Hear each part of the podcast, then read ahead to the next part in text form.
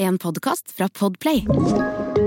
Jeg var aldri Metallica-fan, aldri Guns N' Roses-fan, og aldri Nirvana-fan. Nei. Og det var vel, eh, jeg tror det var Tekeren som sa når han hørte den Nirvana-plata første gangen at ja ja, det var de. Ja. Da, etter fram til for oss her nå, nei. Han skjønte liksom Han at nå kom det et sånt skifte. Og gud hjelpe meg som det skiftet kom, liksom.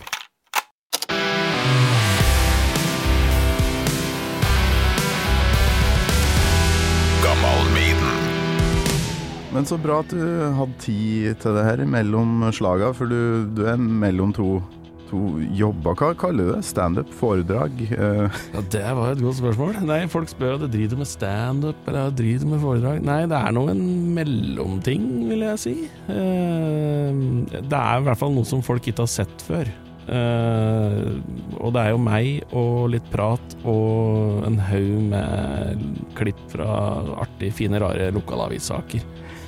Det fineste er egentlig å se folk sitte i salen og møte kollegaene sine igjen for første gang på to år, og plutselig bli minna om åssen latter de faktisk har. Å ja, det var sånn du lo, ja. Ja, ja, ja, for det har vi jo ikke hørt på Teams, liksom, for der har vi bare vært muta og hørt på sjefen. Uh, så det er, det, er, ja, men det, er, det er nesten rørende, vet du. ja, men jeg har det litt sånn når jeg er ute på konsert, så får jeg sånn Å ja, det var sånn det var, ja. ja, ja ok. Fader og folk svetter, gitt. Er noe, folk fis like mye fremdeles, ja. På konsert. Det er en greie. Men, men er du klar for å snakke litt om eh, ja, nostalgi, 80-tallet, metal? Gjerne. Gjerne. Gjerne. Gjerne. Gammalmiden med Torkil Thorsvik. Hjertelig velkommen da til Gammal Maiden, Ken André Ottesen. Tusen hjertelig takk for det. Du har eh, Ja, du fortalte at med kaffemaskina her, sjøl om du ikke drikker kaffe i dag, Ja. eh, at du er mellom to liksom gigs. Og hvor har du vært, og hvor skal du? Ja, eh, på tirsdagen så sto jeg i eh, Grieghallen eh, foran 1500 næringslivsledere fra Vestlandet og skulle underholde dem. Jeg skjelte dem ut, så klart. eh, Og da hadde jeg High As A Kite som oppvarmingsband. Pleier, altså, de spilte før meg, da, så de varma litt opp for meg akkurat. Men jeg, jeg kan i hvert fall si det. Det er jo stort, det. Eh, og så eh, havna jeg jo og Da, var, da må jeg si, da, da syns jeg, det syns jeg var veldig stas, og tok litt av der. Og så eh, kom jeg jo fort ned på jorda igjen, for da var jeg på I går var jeg på Lillehammer eh, og underholdt på Fritidsboligkonferansen 2022. Det var veldig koselig det òg, veldig koselige folk, eh, men på et litt, litt annet nivå enn Grieghall med 1500 stykker i, det, det må jeg innrømme. Konferanse? Ja. Ikke, ikke messe, men Ja, det var konferanse. konferanse, ja. Det var eh, hytteutbyggere og eh, politikere og byråkrater og turistsjefer og ja, trivelig gjeng. ah, du, du har jo ikke fått eh, vannglasset. Jeg tok det på sida mi her, jeg. Vær så god. Men hvordan eh, har du det? Du, jeg har det travelt, men veldig bra. Ja. Eh, alternativet er jo å ikke ha noe å gjøre, og da har en det jo sjelden bra. Så ja, hadde jeg kunnet tjent penger med bare ligge på sofaen og hørt på gammal Maiden, så hadde det vært bra, men det går jo ikke an. Ja, for nå, nå drar jeg opp mobilen min her. Det gjør jeg ikke veldig ofte i podkastopptak, men jeg må inn på Instagram og sjekke BA-desken, da, som er deg. Ja. Ken André Ottesen står det her. Yes. Tips meg om morsomme saker.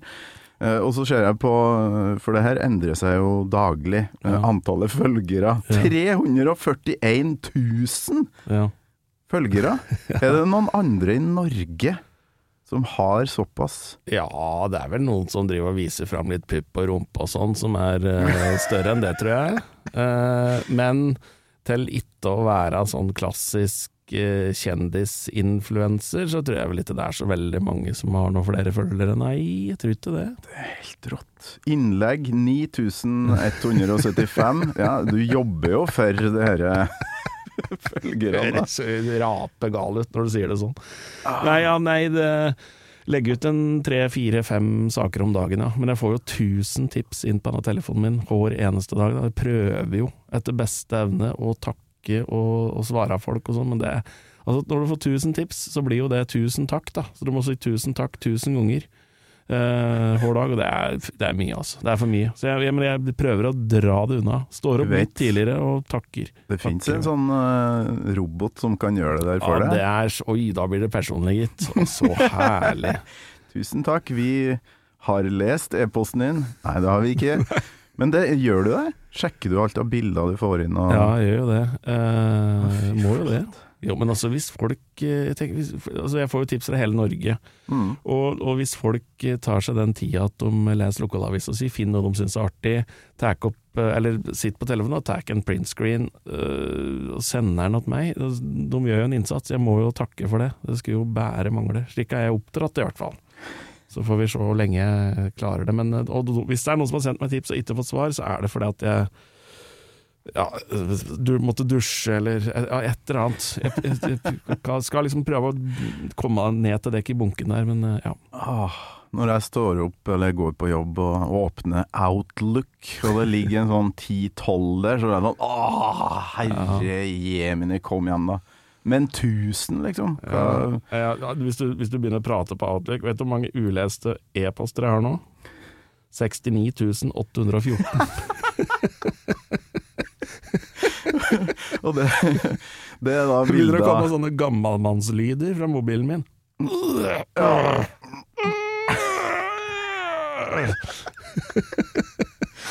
ja, Ok, så det er ikke alle eh, du leser, da, tydeligvis. Nei, det er, det er, det er Enkelte ikke- skjønner du ja. at det her er ikke noe vits. Ja, eller at jeg ikke har tid, eller jeg kan jo ikke sitte på den mobilen hele tida, liksom. Det er jo helt latterlig. Og, jeg, og det, er jo, det er jo, koster jo ingenting å følge med heller, så det er jo ikke akkurat betalt arbeid dette her. Så um. Nei, men eh, ja, fire-fem timer om dagen går nok med. Ja, for nå er det fulltidsarbeid i det her. Du var jo vaktsjef i VG og i flere aviser før det, blant mm. annet BA, ikke sant? Sjølsagt. Uh, ja da, nei, eh, jeg har vært journalist i ja, Nå føles jeg gammel ut, men uh, nesten 30 år. Uh, begynte rett fra videregående, rett i Oppland Arbeiderblad, min gamle lokalavis. Ja. Og ble hentet til BA etter en tre-fire år, og så ble jeg hentet til VG. Så nå har jeg permisjon fra VG for å bære være, reise rundt og være artig på seg. Eh, jeg vil ikke kalle meg komiker, for det blir litt sånn eh, jeg vet når skal du begynne å kalle deg skuespiller ja, det er, Så artig på seg, det syns jeg det er, skjønner folk og er, uten at det er, de egentlig skjønner det. Det Ja, ja, ja. Nei, men det er jo Det er ikke bare humor heller, det du driver på med, for du ehm, Jeg har et, et klipp her. Du var jo i sommer i P2, Ja. eh, samme året som pandemien uh, slo til, og da hadde du noen utrolig gode poenger rundt uh, gangsynet til nordmenn i krisetid. Blant annet det er vel mot slutten der. Altså, det her må jo alle gå inn på NRK-appen og bare høre, for det er, det er en time som, som er Man lærer veldig mye av det. Uh, Du jobba litt med den der. Det er jo en tekst du må lese opp, Jeg eller? tok på sparket der. Ja, du tok det på sparket. Men um, du snakker vel om ei, eh, et avisoppslag om ei 91 år gammel dame som eh, har vært på flytur, eh, sånn reise fra typ Kypros eller noe sånt. Jeg var oppe i var Vigga som hadde den saken, tror jeg, oppe i Gudbrandsdalen. Eh, hadde, hun hadde vært på Ja, hadde vært på, til Syden, ja. Eh, om det var på Granca eller hvor det husker jeg ikke. Men hun eh, ville jo ikke Altså, hun tenkte at hun hadde vært i utlandet. Og det var i utlandet det var mest virus, så hun tenkte at hvis jeg smitter nå, så skal jeg i hvert fall ikke smitte noen andre. Så hun nekte å gå på bussen eller ta taxi eller noe, men gikk hjem igjen, da. Fra togstasjonen. Det var, jeg husker ikke hvor langt det var, ganske langt å være når hun var 91 år, men det, det ja. Og, og det, det er for meg er på en måte Hun er jo gammel nok til å ha opplevd krise før, Mm. så hun veit jo på en måte hva som skal til. Uh, og det er jo litt Altså, jeg syns jo ikke så Humor for meg, det må være noe alvorlig i bånn. Hvis ikke så blir det bare plumpt. Eh, og uh, BA-desken skal jo være 99% humor, men i bånn der så ligger det at vi må eh, huske på at vi bor i verdens beste land. Og når vi sier at ting er krise, så er det ikke det, altså. Så jeg har jo av og til så har jeg noen sånne herre eh, ukrainske tilstander, syriske tilstander og så norske tilstander. Sant? Og så viser jeg liksom åssen ting er i verden, og så kommer det et sånn lokalavisoppslag med at uh, det er et brudd på menneskerettighetene hvis den der bussholdeplassen blir lagt der og ikke der. Nei, Ja, ja, Det, er, nei det er ikke det, altså. Det er, det er, det er, skal jeg, jeg skal vise deg Du brudd på skriver som regel bare nei. Ja. Men um, ja, vi hører på klippet om eh, da etter at du har snakka om hun herre 91 år gamle dama. Gikk tre kilometer for ikke å utsette andre for smittefare. Hvis du leser den saken, og fortsatt klager på at du ikke har noe mer å se på Netflix, eller at du er litt usikker på åssen du skal klare deg uten denne gutteturen til København i sommer, da kan du ta rennafart opp i di ega ræv. Det er åpenbart der du trives best. Så jævlig deilig å høre det der. Altså, rett før her så hadde du også hatt Det var mange som gjorde det òg, vet du. På Rikshospitalet kom det inn en hel busslass med folk som hadde tatt rennafart opp i sin egen ræv. De ante ikke hva de skulle gjøre. Og dette har vi ikke vært borti før. Åssen skal vi få ut av disse folka her, da? Det er så ut at Ja, men det var, det var en helt nydelig tale du hadde der til de eldre, da, som ofra seg, samla inn penger og, og virkelig i pandemitida Ja. sto fram som eh, forbilder for oss. Og det, det var i hvert fall i starten på pandemien, så var det jo de eldre jeg på en måte syns mest synd på. For jeg begynte å diskutere med folk eh, Når har du mest å tape, eller hvem taper mest på denne pandemien? Eh, og det er klart at når du er ung, så kan du liksom si at ja ja, to år av livet mitt, det er liksom Det er jo trist, men jeg har jo hatt resten av livet. Men hvis du er gammel, så vet du ikke om du har hatt to år engang. Og skal du da bruke dem på å sitte inne og se på Du klarer ikke å koble det opp på Netflix, for det blir for komplisert. Du må se på NRK i de to siste åra av livet ditt, og ikke møte familien din, ikke, eh, ikke møte venner. Du, du kan på en måte ikke gå i begravelser engang Mm. eh, til folk som du liksom har kjent eh, hele livet. Nei, det, det synes jeg, jeg synes det var fryktelig sårt. Og um, jeg er jo en kynisk faen og totalt uh, korrumpert uh, følelsesliv etter mange år i media, men, men uh, det å liksom lese om folk som eh, det liksom Begravelser der det var maks 20 og, altså, Begravelser av folk som ville ha fylt tre kjerker i hjembygda, ikke sant, hvis det hadde vært i normale tilstander, og så blir de liksom stedt til hvile med 20 stykker i, i kjerkerommet. Det, det er litt trist, altså. Og så ligger det òg en sånn utrolig stor kjærlighet til lokalavisene her, um, som jeg òg har. Jeg har jobba i Ytringen. Ja, ja, ja, ja, Eh. Ytre Namdal og ja, deler av eh, Nordland òg, oppe i eh, Nord-Trøndelag, da. Har du hatt noen bilder Ja. fra Ytringen? Ja, jeg hadde ytringen, men det var dumt du sa, for da hadde jeg Men jeg hadde en ytringen ganske nylig. Uh, men jeg husker ikke den, da. Men jeg, jeg vet jeg har hatt flere ytringen-saker. ytringen-saker. Fordi at uh, du blir jo Det er jo en del sånne avislogoer uh, som liksom fester seg. Ja. Og den røde Y-en i ytringen, den eh, Når jeg ser den, så vet jeg at det er noe godt på gang. det er Noe bra greier på Noe fint og rart. For det er jo også bare navnet på den avisa òg. Ytre Namdal, Ytringen, Ring rundt Ytre Namdal. Det er veldig Ja. mye det Men, eh, men norske lokalaviser, vet du, de, de fleste norske lokal... Nå skal ikke jeg bli helt nei der, men de fleste norske lokalaviser ble jo stifta ja, si mellom 1915 og 1935, da. Mm. Og det var en slags politisk oppvåkning i Norge da.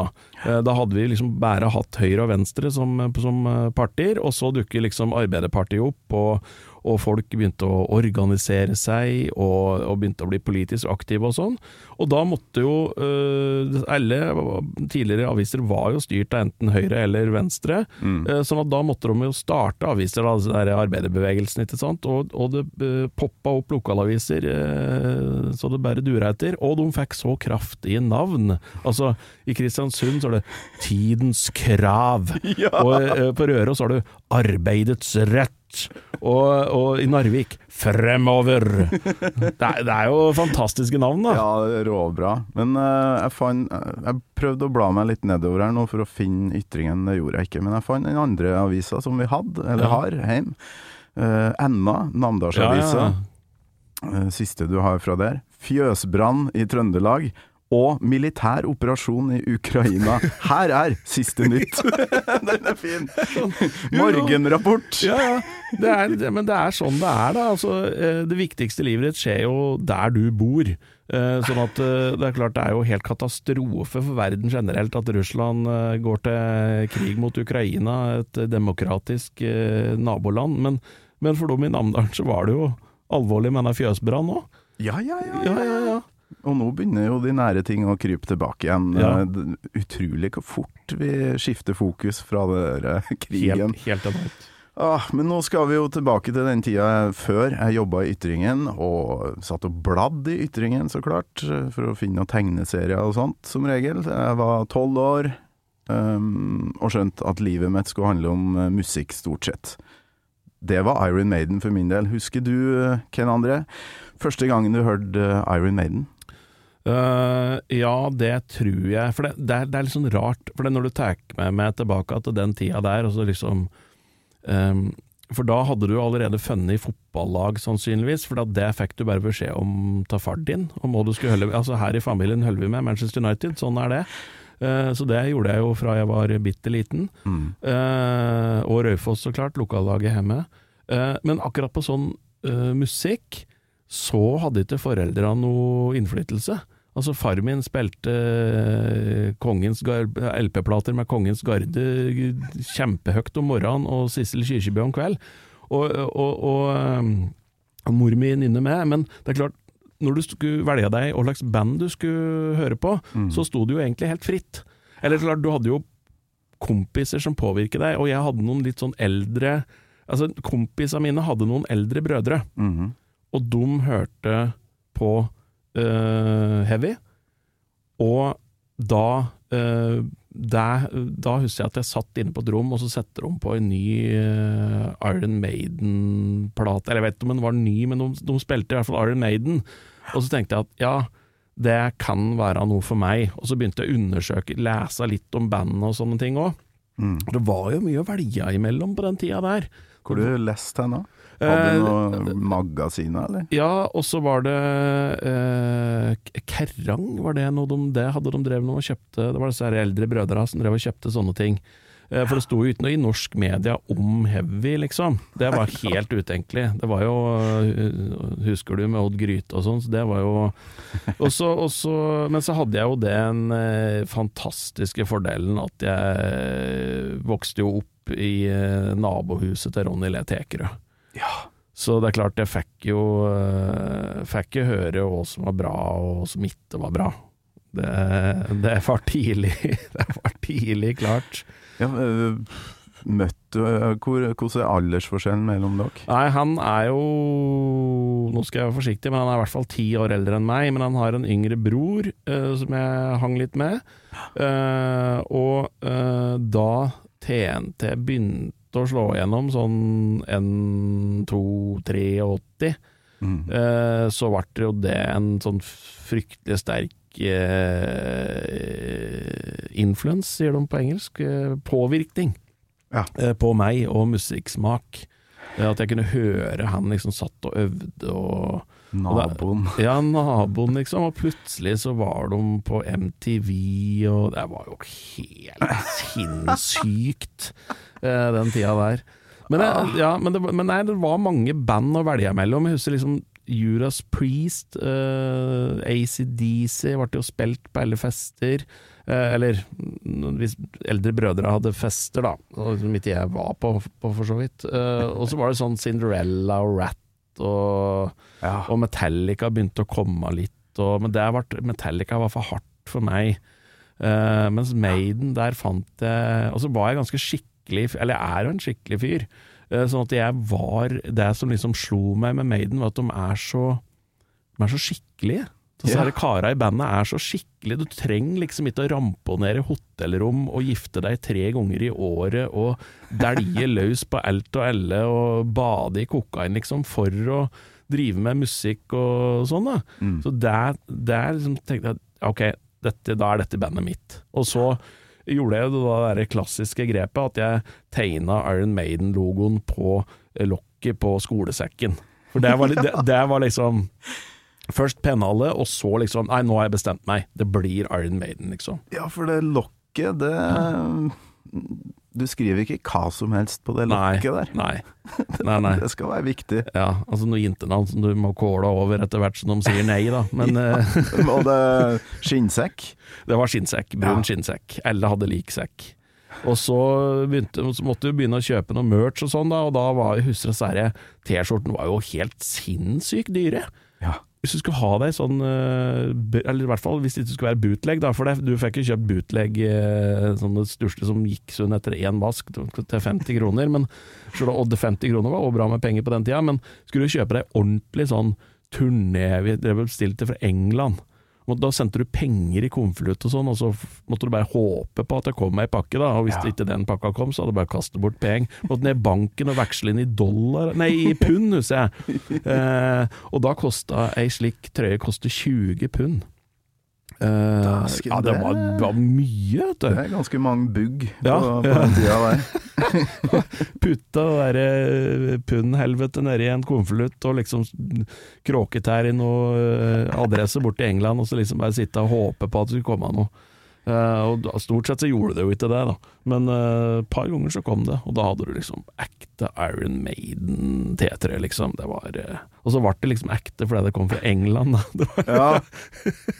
For det kom jo noe sånne På Martnan og sånn, så kom det jo alltid noen juggleselgere Ja. som hadde noen egne versjoner, men de, du så at det ikke var ekte. Det var sånn Nei. nei. Og, og disse her ekte, var eh, T-skjortene hadde jo trykk på baksida òg. Ja. Gjerne sånn turnélist og sånn. Turnélista. Ja. Ja, da var du sjefen. Oh. Du hadde Husker du hva, hva du fikk? ja, jeg hadde Seventh Son og Seventh Sun-turné både den det coveret foran og så turnélista bak. Oi, oi, oi, oi. oi. Faen, så tøft. Ja, det var For der var jeg, der var jeg jo på konsert òg. Det var, eh, det var den første konserten jeg var på, tror jeg. Det Så du var i Drammenshallen, da? Jeg var i Drammenshallen. Ai, ai, ai, ai, ai. Hvor gammel er du? Um, Lov å spørre. Mm, nå er jeg jo 47, så det gammel var jeg da? Da var jeg vel en 14-15, kan det være riktig? Ja? Steike ta. Eh, så- Hvordan fikk du lov til det? Nei, da, det, det var jo Raufoss? ja, eh, Nei, det var jo litt sånn overtalelsesjobb med foreldra da, da, ikke sant. Men så var det disse her eldre brødra til kompisene mine som skulle nedover, og så hadde de en ledig plass i bil. Uh, og så tok de seg jo rått betalt for bensinpenger og sånne ting, da, men, og, og billetten tok de sikkert litt skumma litt av den òg, men uh, Og så dro vi nedover til Drammenshall, og det var ingen som visste hvor Drammenshall var. Og det var ikke på den, du kunne ikke ta opp telefonen din og Google Maps liksom da, så det var eh, Når vi begynte å nærme oss Drammen, så kom en av dem på at eh, prøv å se etter en bil med langhårige karer i. Oh, ja. Og så kikker vi på bila liksom ved sida av oss, og sånn, og så plutselig Nei, der er det en bil med bare langhårige karer i. Følg den! Følg den! og jente oppe i Drammenshall. Follow that car. Follow that car. Hvordan var det? da? Fikk du med Backstreet Girls og, som oppvarming der òg? Ja, eh, det gjorde jeg. Og så husker jeg at det var bursdagen til Steve Harris. Så vi sang bursdagssangen hans. Det var det, ja. Ja, eh, og så eh, det, Jeg har bare sånn bruddminner fra konserten. Det, det ble for mye for meg, tror jeg. At det liksom Hjernen bare kobler ut. Liksom, nå må vi ta vare på eieren vår her, og ikke la han dø til inntrykk. Men også, jeg husker at én fyr Det var jo fryktelig trangt, eh, og det var mye folk, og det var jo farlig, har jeg skjønt i ettertid. Liksom, bølge fram og tilbake og Eh, Jeg var nå ganske høy allerede som 14-åring, men det var jo små folk der som datt på og Husker du det var én som datt, eller besvimte, tror jeg. Og så Ja. kom kompisa hans og tok den imellom seg. Så tenkte jeg bra, nå bærer de den ut. Nei da, da snudde de den sånn at beina var foran, så brukte de den som sånn rambukk for å komme nærmere scenen. Men så, men så, og så tenkte jeg òg, jeg husker jeg tenkte på forkant at uff, her kommer det til å være mye skumle folk. Ja, ja, ja. Um, Livsfarlige ja, metallfolket. ja, dette var jo på den tida der folk med langt hår uh, var kriminelle. Ja, ja. Uh, og det var de som kunne slå deg ned når som helst og sånn, men da oppdaga jeg at dette er jo verdens triveligste folk, liksom. Det var Mm. bare smil og latter og Nei, det var, eh, nei, det var en stor opplevelse, det må jeg si. Litt som eh, ja, Døden på Oslo S hadde jo den effekten på oss trøndere. Vi skulle faen ikke ned til Oslo. Det er bra sikkert. Allerede på togbanen er du i livsfare. Noen drekk heroin nedi der! Det er helt jævlig. Men nå, nå har det jo kommet sånne bølgedempere. De har jo skjønt at man må ha barrierer litt på litt flere plasser, ikke bare framom Det, scenen. det, er, eh, det er en smart ting. Så det var, føltes farlig, rett og slett, Ja, jeg, jeg, jeg prøvde jo liksom en liten stund å komme meg litt framover på scenen der, men så tenkte jeg at ja, det, jeg, liker jo Maiden, men jeg vet ikke om jeg skal dø for dem akkurat nå, i hvert fall. Sånn at eh, da gikk jeg og stelte meg litt baki der. Men det- Og så syns jeg det var så inn i helvete høyt! Ja. De spiller Altså, de hadde, altså jeg husker jeg hadde sånn Guinness hver, hver jul så fikk jeg sånn Guinness Book of World Records. Ja, ja, ja. Det var sånn fast greie, og der var Iron Maiden. Eh, og de hadde eh, verdensrekord i å spille høyt på konsert. Oh, ja. Da hadde det vært en konsert der det hadde vært 124 desibel i Uh, i, uh, tek, altså i teknikerbua, altså i lydmannbåsen, ja. så var det 100, og da kan du tenke deg åssen det var rett foran scenen. Og jeg husker det peip i øra mine mange dager etter den der konserten. Men det var det jo så klart verdt. For da kunne, hørte, for da kunne folk komme bort og prate og skulle si Du, sorry, jeg hører litt dårlig, jeg har vært på Maiden-konsert, skjønner du. Ja, ja, ja. Da var det greit. Men eh, ja, jøss. Har de hatt den rekorden der? For det var jo sånn Man of War skulle alltid ha den rekorden, og Motorhead, da. De flekka jo på ekstra for å liksom ha verdensrekorden, husker jeg. Nei, jeg, husker, jeg husker jeg leste i Guinness at det var Iron Maiden som hadde den rekorden. 124 desibel. Jøsses. Og det er jo sånn du kan ødelegge øra dine på. Det var jo en, eh, var jo en uh, Viggo Sandvik, vokalisten i Vazelina, Ja. han uh, har jo fått litt øreproblem, litt tinnitus og sånn, og så hadde han fått spørsmål av en journalist om det var fordi at han hadde spilt så mye høy musikk. ja. Så sier han uh, Nei, ja, vi var ikke Det har vært mye høy musikk, men det var fryktelig mye høy applaus. Litt småbreialt, men Ja, eh, de var populære, vet du. ja, De var det. ja, fy flate. Du er totning. Det er sånn deilig dialekt. At en Ja, nå at hatt innom. Ja. Og um, Halvard Gårdløs, som Mm. nå spiller i Spider-God, han har òg en sånn ja. nydelig dialekt. Det er jo den dialekten som blir brukt når eh, noen som produserer et eller annet Hvis du skal selge hjemmelaga syltetøy eller forsikring eller et eller annet, bank Det er liksom, det er, Du blir ikke lurt. på den der. du blir ikke lurt en totning. Det, om det er fordi at om folk tror vi er dumme, eller om at folk regner med at vi er ærlige, det vet jeg ikke, men det er en dialekt som på en måte Det er, det er liksom trygt og godt, da. Ja, ja, ja. Nei, som trønder, og jeg var jo nyhetsoppleser lenge i radio, og fikk ikke lov til å snakke trøndersk, for det var ingen som trodde på, sa han. Men det har heldigvis endra seg litt, da. Det er jo noen som får lov nå til å ymte frampå med noen A-endinger og forskjellig. Ja, men det er bra. Det har skjedd ting der. Men jeg tror ikke det var Tekkerød som eh, fikk deg inn på Maiden-sporet, for han uh, aldri vært noen fan, fortalte han da, da han var på Nei, han var, besøk jo, her. han var jo mer sånn uh, Thin Lizzie og, og, ja, den mye greia av de gamle type Rainbow og Ja.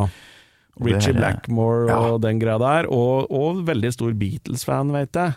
Ja, ja, ja. Uh, og, men, men det var eh, Og nå blir det litt sånn delt historie her, fordi at eh, når Tekerøen på en måte slo igjennom, og, og han var jo helt fantastisk på gitar det er jo 'spill så fort du vil for 100 kroner'. Uh, og, og, og han åpna jo opp på en måte universet mitt inn til gitarhelter.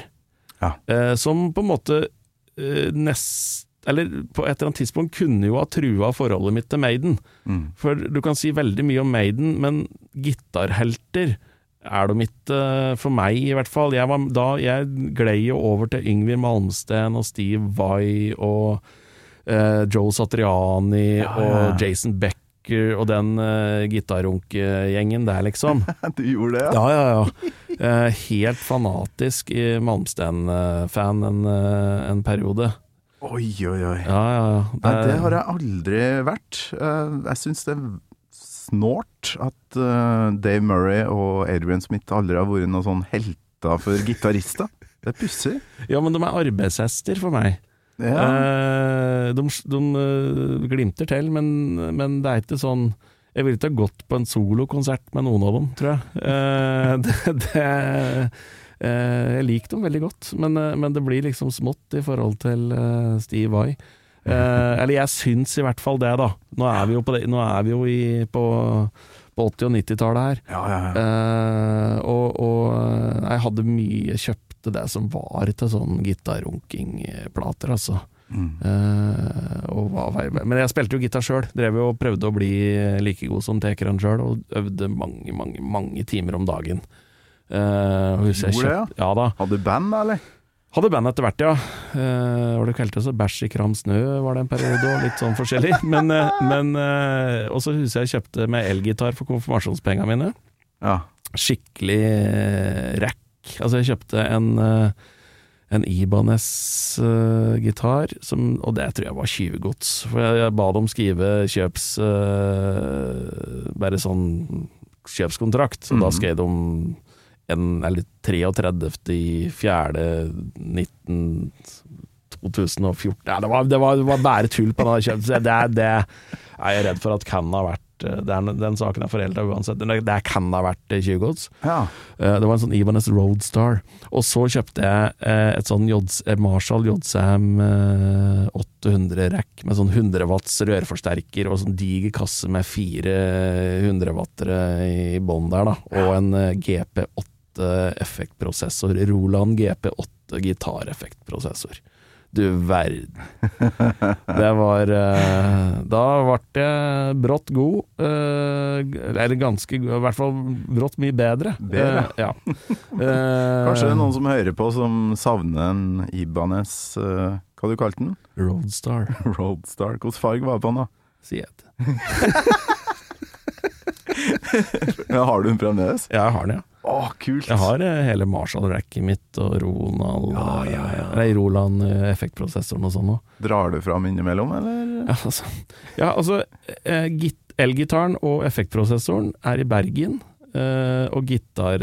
Altså høyttaleren står på Toten. Ja, så det, så, det, er liksom, det er jo noe enormt størrelse på dette, her, så jeg vet åssen jeg skal forflytte liksom, noen plass. Og, og jeg bor jo Jeg har jo leilighet både i Bergen og Oslo, så jeg pendler mellom Bergen og Oslo. Men jeg, jeg tror ikke det er noen plasser naboer vil sette pris på eh, liksom, den lyden fra den rørforsterkeren der. Så jeg burde egentlig ha kjøpt et lite småbruk en eller annen plass og klikke totalt.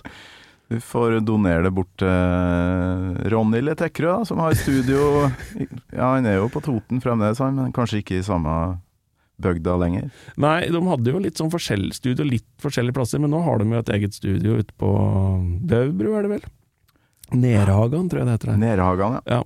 Uh, så Ga ut album nylig, han. Soloalbum. Ja, ja, ja. Eh, Og så er det vel noe TNT-greier på gang også. Ja, Jeg følger, jeg følger med, vet du.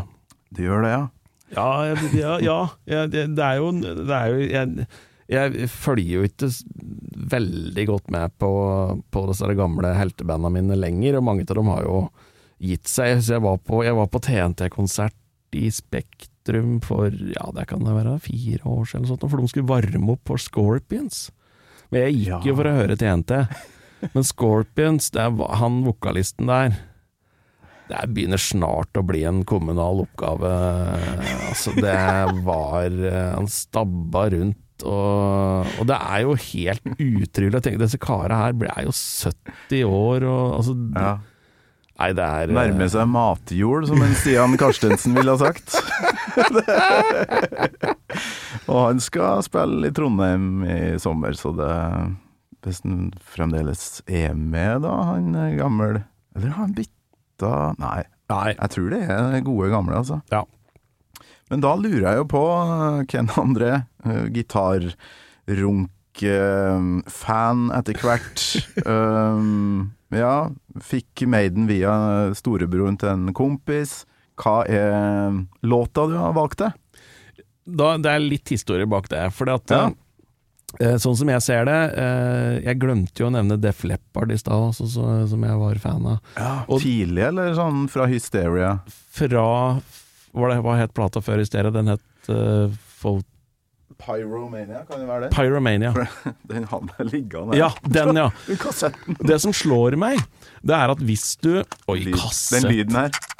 Det mangler bare en blyant, så du kan liksom Ja, snurre den- tilbake. Vi har sånn ukas kassett i ja. programmet mitt på Radio Rock, og da har jeg Hvis jeg har dem, så har jeg dem med meg, sånn at jeg liksom kan se på dem og, og kommentere coveret. Og, og her er det jo eksplosjon i en, en eller annen bygning, ikke Ja, sant? ja. Pyromania. Den første kassetten jeg kjøpte var 'Slippery When Wet' med Bon Jovi. Ja, den hadde, vel Kost- samtlige. Koster 129 kroner. Det var sinnssykt mye penger. det. Hæ? Ja, ja, ja. så dyr? ja, ja. Jeg venta til de kom i sånne eh, fame-versjoner. Det var veldig billig, sånn 25 kroner. ja så og var det mye bootleg da, vet du. Ja. Uh, nei, men uh, sorry. um, Maiden uh, Men, men eh, eh, hvis en ser på Altså, uh, Def Leppard slo jo gjennom med Hysteria. Men det er jo Pyromania er en fryktelig bra plate, Ja. som legger grunn for Hysteria. Mm. Hysteria er produsert, helt fantastisk produksjon. Uh, og så har du type sånn eh, Bon Jovi. Jeg syns jo plata før 'Slippery When Wet' er nesten bedre, men den og det la grunnen for uh, for, eh, eh, for den. Mm. Uh, og sånn er det med veldig mange band, og for meg så er det sånn med Maiden. At uh, Seven Son of a Seven Son ga dem liksom verdensherredømme. Da ble de litt sånn Alle likte Maiden, på en måte. Da likte til og med jentene i klassa likte Maiden. Uh, mens Somewhere in Time-plata er for meg da jeg liksom Yes, dette er helt fantastisk bra. Dette er utrolig bra plate. Og så er det ei låt på den plata som, der du får liksom litt av alt som Maiden er, eh, og det er Sea of Madness. Åh, Skal vi høre på introen her? Det må vi gjøre.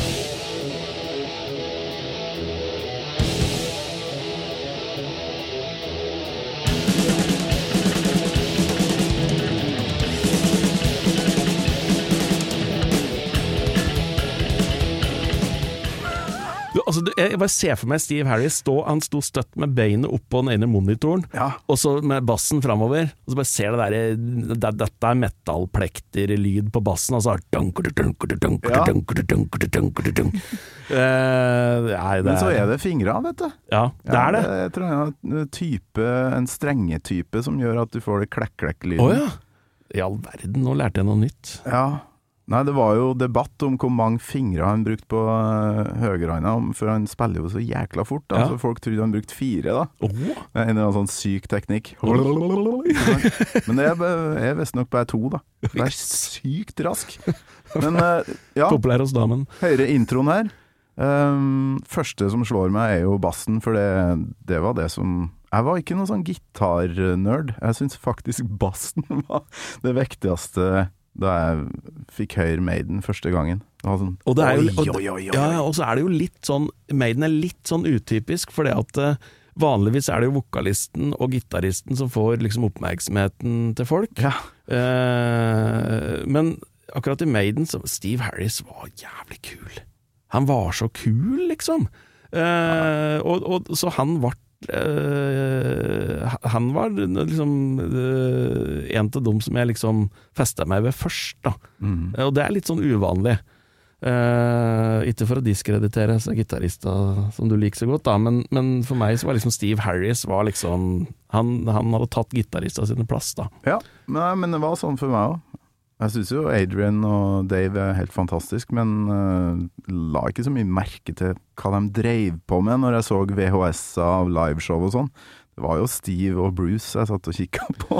Ja, ja, og, og, og, og den Sea of Madness-låta, den starter jo eh, ganske hardt. Mm. og er litt sånn Du er tilbake til Killers og liksom tidlig Maiden, og, som, som egentlig er litt for bråkete for meg. Men eh, så bygger låta seg opp veldig melodiøst utover, og så er det et parti liksom mot slutten der, der de bare roer ned hele låta.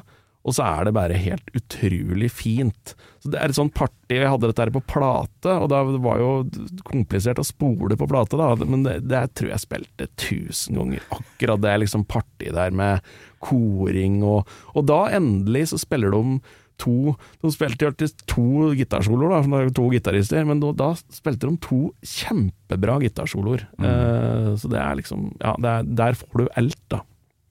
Ah, Men vi må videre her, da, for vi må jo høre på Bruce òg. Ja. Kommer jo et vers her.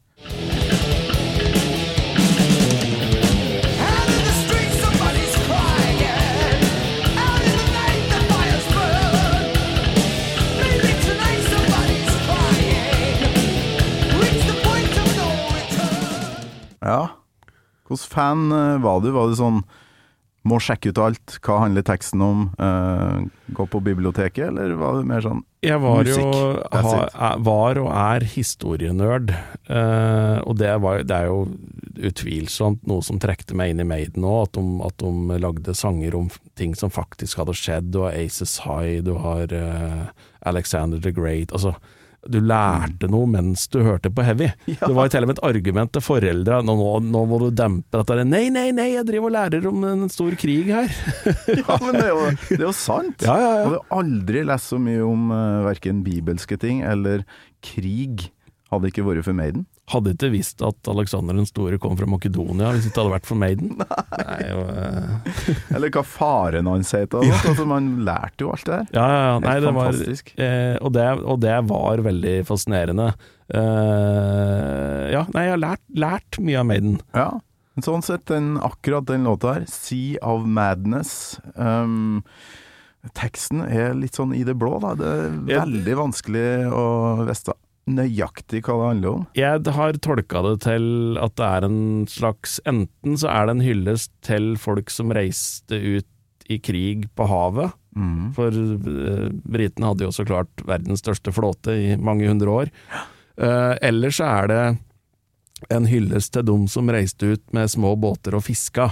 Jeg har heller ikke helt uh, psykoanalysert meg ned i bånden på den teksta her. uh, for det, og dette her var jo et tidspunkt der jeg, jeg var ikke så opptatt av Jeg var mer opptatt av melodi enn tekst, da. Mm. Uh, men nei, jeg, jeg har ikke noe djuptpløyende analyse til det her. Altså. Nei, for jeg, jeg har bare tolka den sjøl og tenkt um, Her er den litt sånn Jeg vet ikke, sånn Kutulu-aktig, en sånn sjø med uh, ja, Noe som gjør at den som er i nærheten, blir gal. At du, at du Du er så dramatisk, du. Det Ja, er liksom, eh, veldig. ja.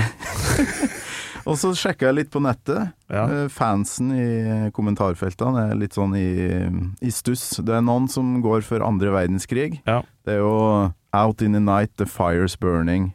Maybe tonight somebody's crying. Um, det kan være det, men så kan det samtidig være eh, noen som er i ferd med å miste kontrollen over sitt eget liv, da. Men det er, og det, er, det, er litt, det er litt uvanlig i Maiden at, du, at folk ikke klarer å tolke Ja. At det er litt sånn divergens om hva dette egentlig handler om. Det er ikke typisk Maiden, det. Nei, og som regel så er det Steve Harris som skriver det der litt eh, Sånn Infinite Dreams, Det er litt sånn uh, svevende tekstene som, som er eksistensielle, da. Uh, hva, hva skjer etter Infinite døden? dreams, I can't deny them. Ja, Ja, ja. Infinity is hard to comprehend. den bare dukker jo opp, vet du. Ah, men uh, den her er jo skrevet kun av Adrian Smith. Mm. Som ble en viktig låtskriver plutselig, for Bruce eh, var sliten etter eh, World Slavery Tour. Det kan vi forstå, for der eh, var han på turné i nesten ett og et halvt år i strekk. Det var helt sjukt. Helt Så han bare gikk sånn Nei, det her eh, kom med noen forslag som ingen andre likte. Så da trødde han til, da, Adrian, og skriv det her. Ja. Det er jo det er helt nydelig. Akkurat som Wasted Years-teksten hans òg. Ja, og det er jo eh, det er jo komplisert låt. Eh, Mm. Og det hører du på det første eh, verset her òg, at det er en litt sånn vågal Uh, melodi der, som, uh, som Bruce synger. Uh, tonen var det, Det er ikke det enkleste å synge akkurat den låta der. Og, og det syns jeg òg er litt ålreit, da. At de, det er liksom en låt der de utfordrer seg litt. Ja. Skal vi se Det kommer jo en sånn bridge inn til refrenget her som er helt Jeg tror det her var den første som catcha meg, og som gjorde at jeg plagierte teksten i en engelsk diktoppgave en gang, og, og fikk eh, S på den ene engelskprøven, eh, og det er jo det her, da.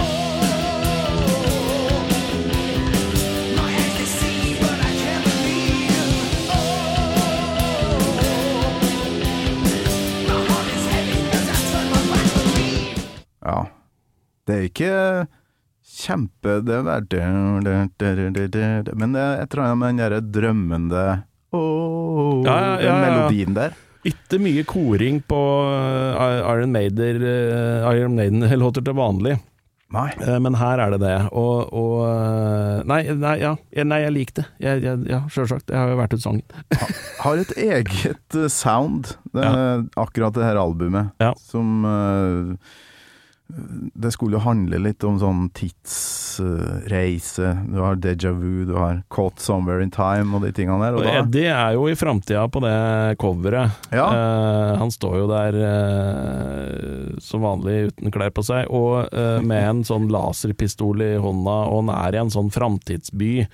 Og der er bare et platecover kan du jo sitte i timevis og studere, for det er så mye skrift og tegn, og husker du drev støtt og leita etter sånne tegn på disse her Maiden-coverne. Det var alltid noe liksom sånne skjulte beskjeder og, og Ja. Hvis du går inn der, eh, for jeg husker jo jeg satt og så Hva betyr uh, Ruskin Arms? Uh, ja, fant ut noen år etterpå at det var et sted der de spilte live masse i London.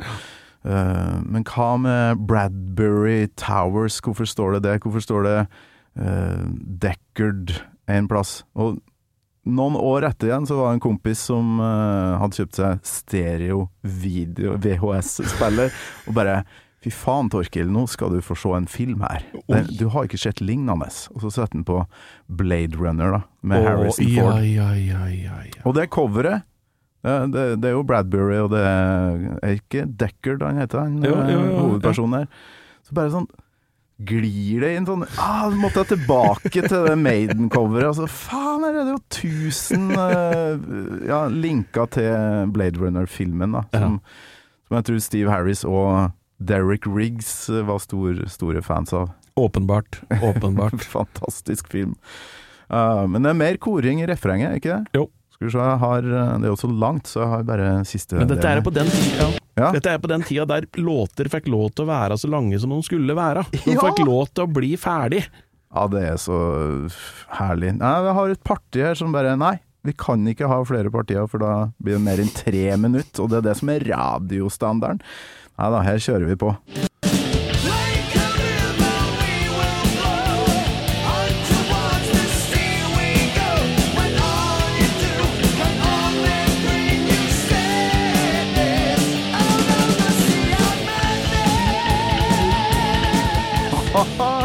Er eh, fantastisk. Jeg tror ikke den traff denne hver gang på konsert. Aldri spilt den live. Jeg jeg prøvde å se på uh, Har de ikke det? setlist uh, Det er for komplisert. Jeg vet da faen. Det fremstår som en slags filler, da, men er jo en av mine òg favoritter fra Summer in Time. Så. Men sånn er Maiden. De gjør noen rare valg live. Det er, noen låter som bare blir spilt i hjel, og så er det noen som aldri får slippe til. Det irriterer meg litt. Ja, ja, ja. ja, ja hvis du har vært på mange Maiden-konserter og bare får høre opp at det samme, så er det jo irriterende. Ja, det blir jo mye det samme. Men øh, sånn som den her, da.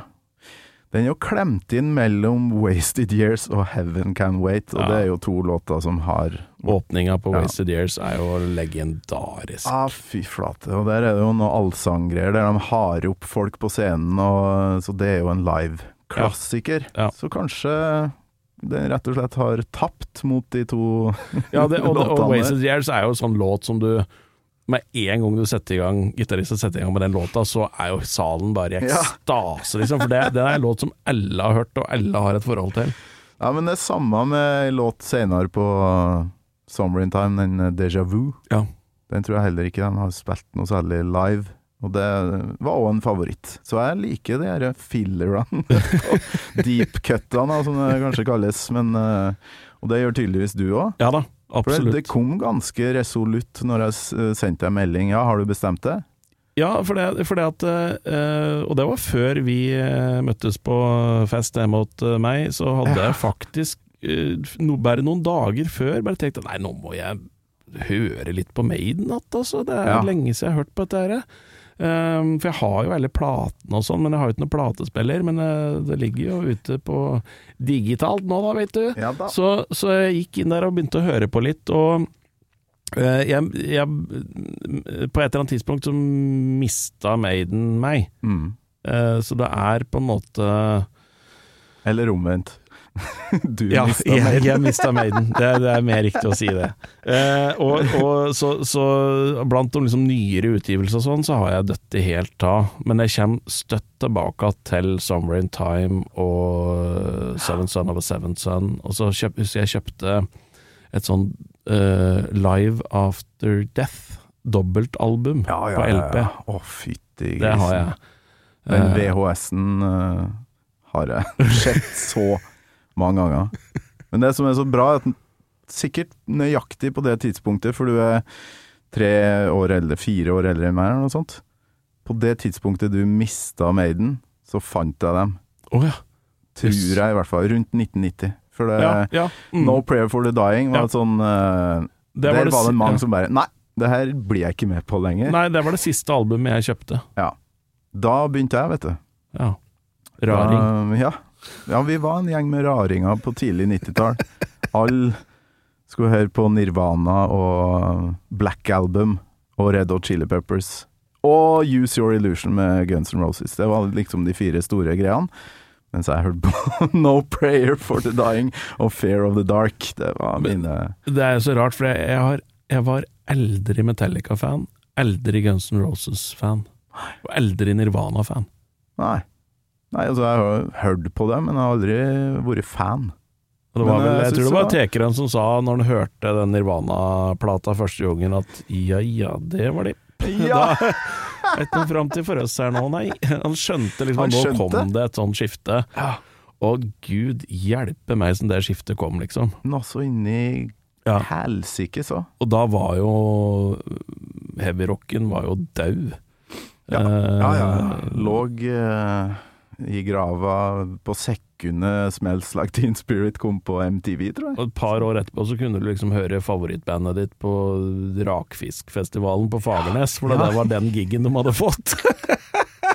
Ja, det er faen meg sant. Ja, ja, Svære monsterband ja. står plutselig på lokalet Ja. og spiller. Ja. Det var ei spesiell tid, det der, altså.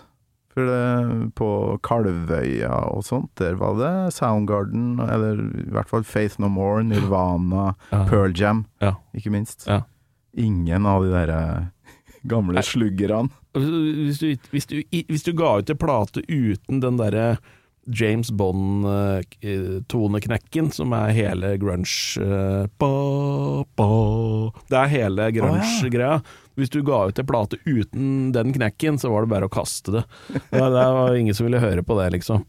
Og hvis du tar hadde tømmerrøggerskjorte og sånne cats boots, liksom, da og sto der oppe og vrei, da var det ikke noe å høre på. Er det et slags intervall som må være med, sier du? I sånn, hvis det skal være grunge-låt? Ja, det fall Ja, det skal, du, du skal ha den derre der litt sånn spesielle James Bond-knekken eh, på det. Da er du liksom Da, da gruncher du. Tenker du mer som i starten av In Bloom med Nirvana? Ja. Ja, ja. For eksempel. For eksempel. Akkurat den? Ja. Og, og, og Even Flow. Even Flow Ja, ok. Og så, så må, Den der knekken, den er liksom i alt som er av, av grunge. Ah, aldri tenkt på. Jo, jo, det er James Bond Alle James, den James Bond-låta, ikke sant, som uh, ba, ba, Ja, den der, ja. da, da, da, da, da, da, Hva farsken? Ja, så det, det hadde, hadde den blitt gitt ut med litt gitar og sånn, eh, så hadde det blitt tidenes grunge-låt. Ja, ja, ja. Nå ser jeg i notatene mine her, sånn tekstmessig, at det er veldig mange eh, som jeg fant på nett, da, som mener at det um, er noe Hamlet, Shakespeare eh, inn i bildet her. Muligens Adrian Smith var litt sånn Shakespeare-fan. De er jo veldig eh, Jeg skal ikke si rare, for de er jo egentlig det motsatte av disse Maiden-gutta. Og, og, og Steve Harry spilte jo fotball i Newcastle før han eh, slo seg på bassen. Westham. Westham var det, Ja. sorry. Kan ikke Eh, nei, for de hadde stripete drakter ordet. Newcastle Nei. i nærheten av han, tror jeg. Og, og, Bruce Dickinson eh, er jo en god fekter og, og pilot i tillegg. Altså, det var, det var det, og de er gift og har holdt på kjerringa si, og det, det, det var, nei, dette syns jeg var artig. At det liksom gikk an å være en ordentlig person, liksom. Skikkelig fin fyr, og fortsatt stå på der i trange skinnbukser. Eh, det, det var liksom ålreit. Og Wasted Years, som handler om uh, heimlengsel. Altså, hvor mange rockere er det som innrømmer at de egentlig lengter hjem når de er ute på turné?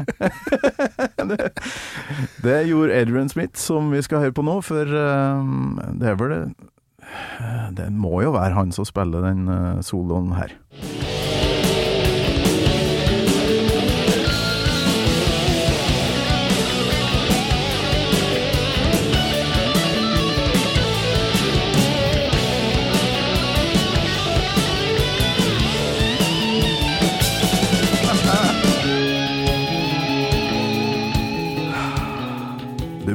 Du som er gitarfan, du må jo ha hørt på det her og sagt Ja da, eh, det, og det sa jeg jo innledningsvis, sa jeg innledningsvis at akkurat disse to soloa her er uh, helt nydelige. Og de, de er jo veldig flinke sammen, disse Maiden-gitaristene. Støttør i det, ikke sant.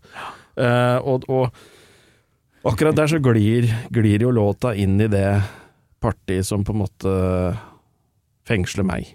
Å, Det er ja. der glir, glir låta inn i liksom et sånt party som viser hvor musikalsk denne her Maiden-gjengen er. For jeg er jo en, jeg er jo en fyr som, som liker mest melodiøs eh, heavyrock. Ja. Uh, Syns det må være en fin melodi inn i en eller annen plass. uh, og det, det har de her, da. Det er jo akkurat det partiet jeg ikke har noen lyd fra. Men jeg kan uh, gå inn på På en, Internettet? Uh, ja, jeg har jo en uh, Har jo et slags arkiv her med låter. Skal vi se, da. Der, ja. Da kan vi lete oss fram til det partiet. Ja, nå, må, Her, ja. nå, det for langt, for- nå gikk det for langt. Ok. Ja, for det er slutten. Ja. Da, nå er jeg herfra.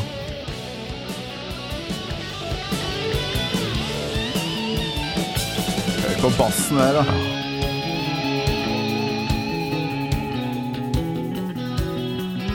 Så det er bassen som har melodien, ikke sant? Ah.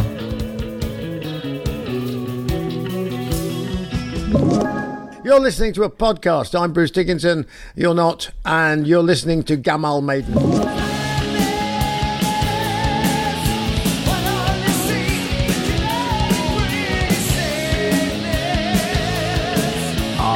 Der skjer det mye. Der skjer det mye. Og, og veldig utypisk. Og der skjer det mye som er litt sånn utypisk Maiden. Uh, og, og, og til og med Nico McBrain liksom sitter og bare småspiller litt, eller litt forsiktig. Ja. Den store, snille kjempe bare sitter der og forsiktig litt bortpå. Det er en annen ting i starten her som er veldig utypisk Maiden. Det er ikke ofte jeg hører Bruce Dickinson synge med falsett sånn. Nei, ikke sant? Nei, ikke sant? Det er som å ha ei Eh, kordame, liksom. Det var jo Gunsen som holdt på med sånne ting. Det skulle ikke det- Maiden ha. Nei, akkurat det der partiet der, der syns jeg det er så mye cleverness, da. Ja, men jeg tror bare de har kosa seg skikkelig. Vært bare sånn fullt eh, sånn veldig inspirert, Høres jo nesten ut som Steve Harris spiller fretless. Altså, det, altså, det er så mjukt, og det der åh, ja. Ja, En nydelig parti, altså. Det er jo de detaljene der som gjør at man bare ja, ja. Og så liksom går du med rett over og tilbake til dankere, dankere, Ja. dankere, dank. Dun, digge, digge, det, bare digge, digge, det, det. Men Du satt ikke og prøvde å spille her? Jo da, jo da. Ja, du gjorde det? Ja da. Eh, prøvde det, altså. Og eh, fikk det vel sånn noenlunde Noenlunde til òg. Eh, men eh, det er, det er fryktelig vanskelig å bli god på gitar. Det er ganske lett å bli sånn helt grei på gitar. Ja. Det er lett å bli hata på nachspiel. eh, Nothing Else Matters more, på, på nachspiel. More og- than words. Å, fy faen. Ja, men det er litt sånn over igjen. Det er sånn, da er du ganske god, tenker jeg. Hvis du klarer More Than Words sånn, Ja, sånn ja bra. Ja, da, ja da, det kan du dra dame på, men en sånn dårlig utgave av noe Metallica-greier, det Ja. da Ja. Det er rart det der, altså. Om, uh, Da blir du hata av begge kjønn! Ja. Det er liksom en sånn Alle all hater det. Nei, altså Ja, 'Nothing Else Matters' og Ah. um, 'The Unforgiven'. Den har jeg hørt på nachspiel. Men 'More Than Words' Noen helt øh, utrolig hvor uh, kvinnfolkene liker Det er en sånn på trøndersk trusfuktar. vi, vi avslutter med en trusfuktar, folkens, før dere skal hjem på nachspiel. da, da kommer More Than Words. Var, det var, eh, var det Mr. Big, eller var det Extreme? Det var extreme. Det var extreme, for det er litt- No Bettencourt, han Ja. eh, digga du sikkert. Han digga jeg, og det Han digga jo Tekerøen. Altså Nuno Bettencourt Ja. digga Tekerø. Ja! For eh, på samme måte som Tekerøen eh, på en måte driv Altså I TNT så har det støtt vært Tekerøen som har drevet Mm. musikken videre. Han slutter aldri å på en måte spille, eh, eh, og, og driver eh, liksom hele bandet videre med spillinga si. Mm. Samme gjorde Nuno Bettencourt i Extreme. Ah, Han flate. spilte liksom han, ha- Over alt så var det liksom små fills, og det var liksom Det skjedde noe hele tida rundt Nuno Bettencourt, og han har jo sagt, det har jeg sett på et intervju, at han liksom hadde Tekeren som et av sine idoler. Skal vi se nå Jeg må bare faktisk Jeg fikk så lyst til å dra opp eh, Skal vi se Extreme Pornography, husker du den? Ja, ja, ja. Er det den derre For det er jo den More Than Words er på, vet du. Eh,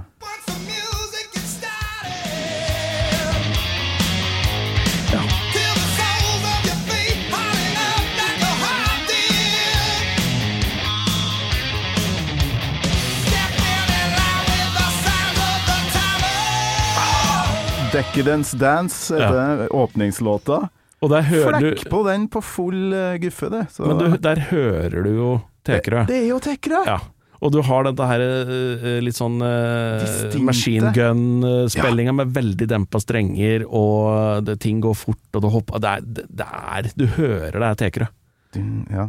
Tikke, tikke, tikke, tikke, tikke. Ja. Når det går eh, sånn, for det er jo noe med strenge Strengene var ganske langt unna halsen, visstnok, til Ronny. Det er ingen som klarer å spille på gitaren hans, nei. Da skal du være Ja. sterk i klypa. Ja, det er akkurat det.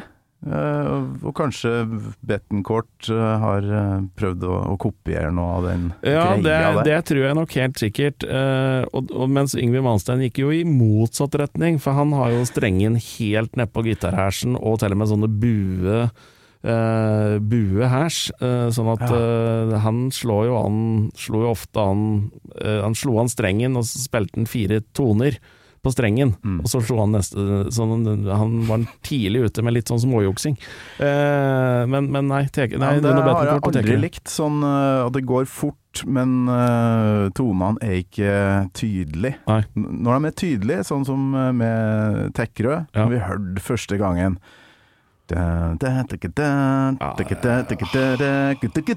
Den derre distinkte tonen jeg har, det, bare Det liker jeg. Ja. Men når det blir Yngvi, Ja. og de herre Det blir bare en sånn tåke, for min del. Yngvi Malmsteen ble jo intervjua en gang der han fikk spørsmål om uh, So, uh, Yngwie, what do you think about uh, less is more? Og så What? How can less be more? More is more. Uh, I don't understand the question. Less is more? More is more. More!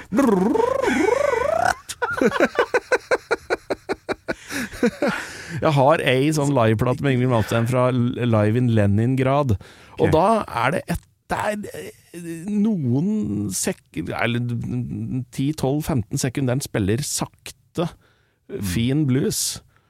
Og det hadde han bare gjort mer til det.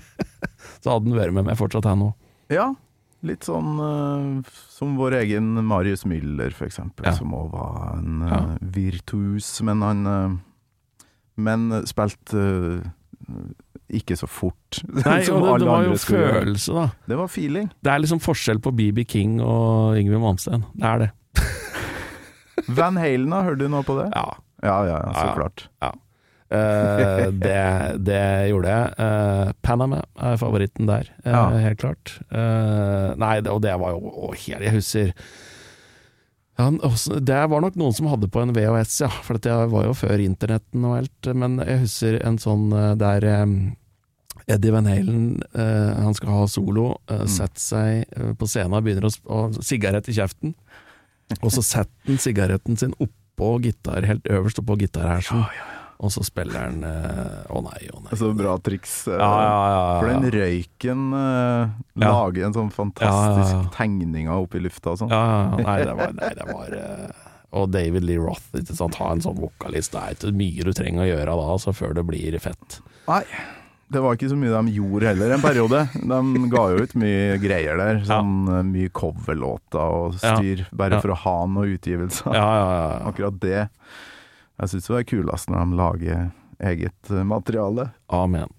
Og der eh, har Maiden vært flink, syns jeg. For um, jo, de har covra Jethro Tull og diverse greier, men, uh, men det er på B-sida på noen sånne singler. Men de har en vanvittig produksjon, eh, og, altså, eh, og det er jo imponerende. Mm. Men det som har imponert meg mest, er jo egentlig at de klarer å holde sammen. Eh, og liksom ser andre band rakne som ei gammel hoso, liksom eh, med jevne mellomrom, og Metallica som må bruke mer tid i psykologstolen enn i studio, liksom, for å helt tatt orke å stå eh, to meter fra hverandre. Jeg syns det er helt fascinerende hvor ræva stemning det kan bli. Altså Jeg så denne dokumentaren om Eagles. Ja, den har jeg hørt rykter om. Ja, det er en helt fantastisk dok dokumentar, og den starter jo med at uh, de har fått et uh, Altså, uh, de har fått ut av miksepulten Ja. så har de tatt opp eh, samtalen mellom Eagles-medlemmer når de går ut av scenen etter en konsert, der han, jeg tror det er bass Nei, det er ene gitaristen sier til den andre gitaristen at jeg skal jeg skal drepe deg. Jeg, jeg driter i om jeg må sitte resten av livet mitt i fengsel. Jeg skal drepe deg. Altså, det er så dårlig stemning i det bandet at uh, jeg, jeg skjønte at folk gidd. Og de jo, de, de hadde reunion, så skulle de spille i Haugesund. En konsert i Haugesund, og da kom de så klart med hvert sitt privatfly. Mm.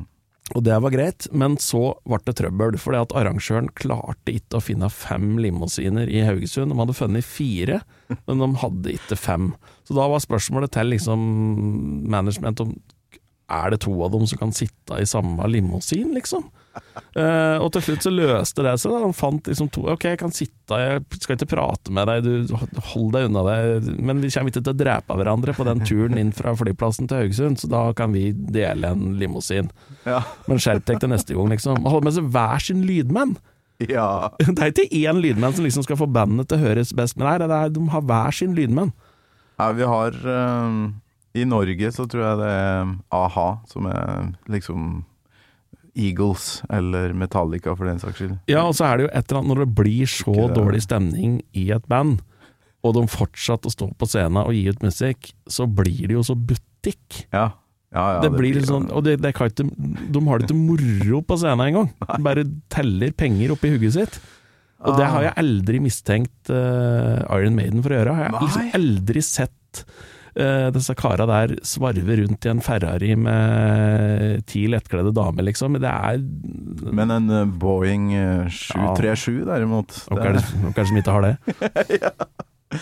Ja, det har vært helt fantastisk artig. Vi må høre eh, slutten, så klart, på nydelige Sea of eh, Madness.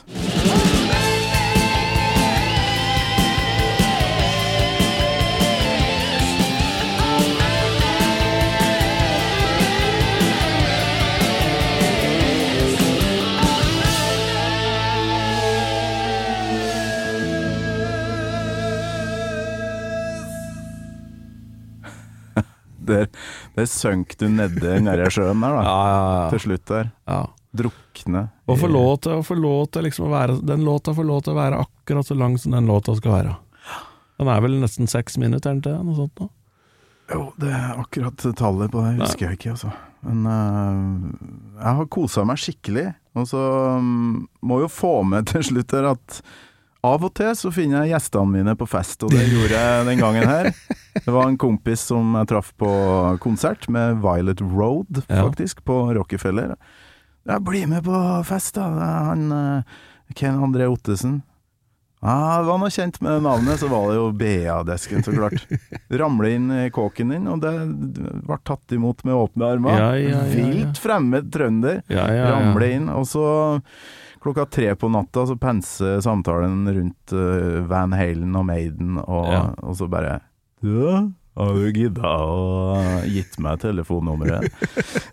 så det er utrolig artig da, å, å treffe gjester på det viset. Ja, veldig koselig at du stakk innom. Hvis ikke så hadde vi ikke sittet her. Drakk opp ølet, det gjorde jeg. Ja ja, men det er, det er bra det, så slipper jeg å drikke det opp. Kom rett fra Rockefeller, så det var ikke noe forspill-bag der. Men vi må òg få med at du har jo er fire bøker du har gitt ut. Fem har jeg faktisk gitt. Fem, ja. Ja, fem bøker på to og et halvt år. nylig fått i gave Som det stiger frem. Oh, ja. Men jeg har ikke Ja, vi elsker. Jeg har ikke Dette landet. Og du har Jeg har gitt, Som det eh, stiger frem, og er ikke Norske mann i hus og hytte. Norske mann i hus og hytte, og den siste skjønte mørkt så ut. Eh, Ja. Så eh, nei, men eh, de fins å få tak i alle landets bokhandlere, tror jeg. Skal du gjennom hele Ja, vi elsker-teksten før du gir deg Det er lage 88 vers, så det, det tror jeg ikke.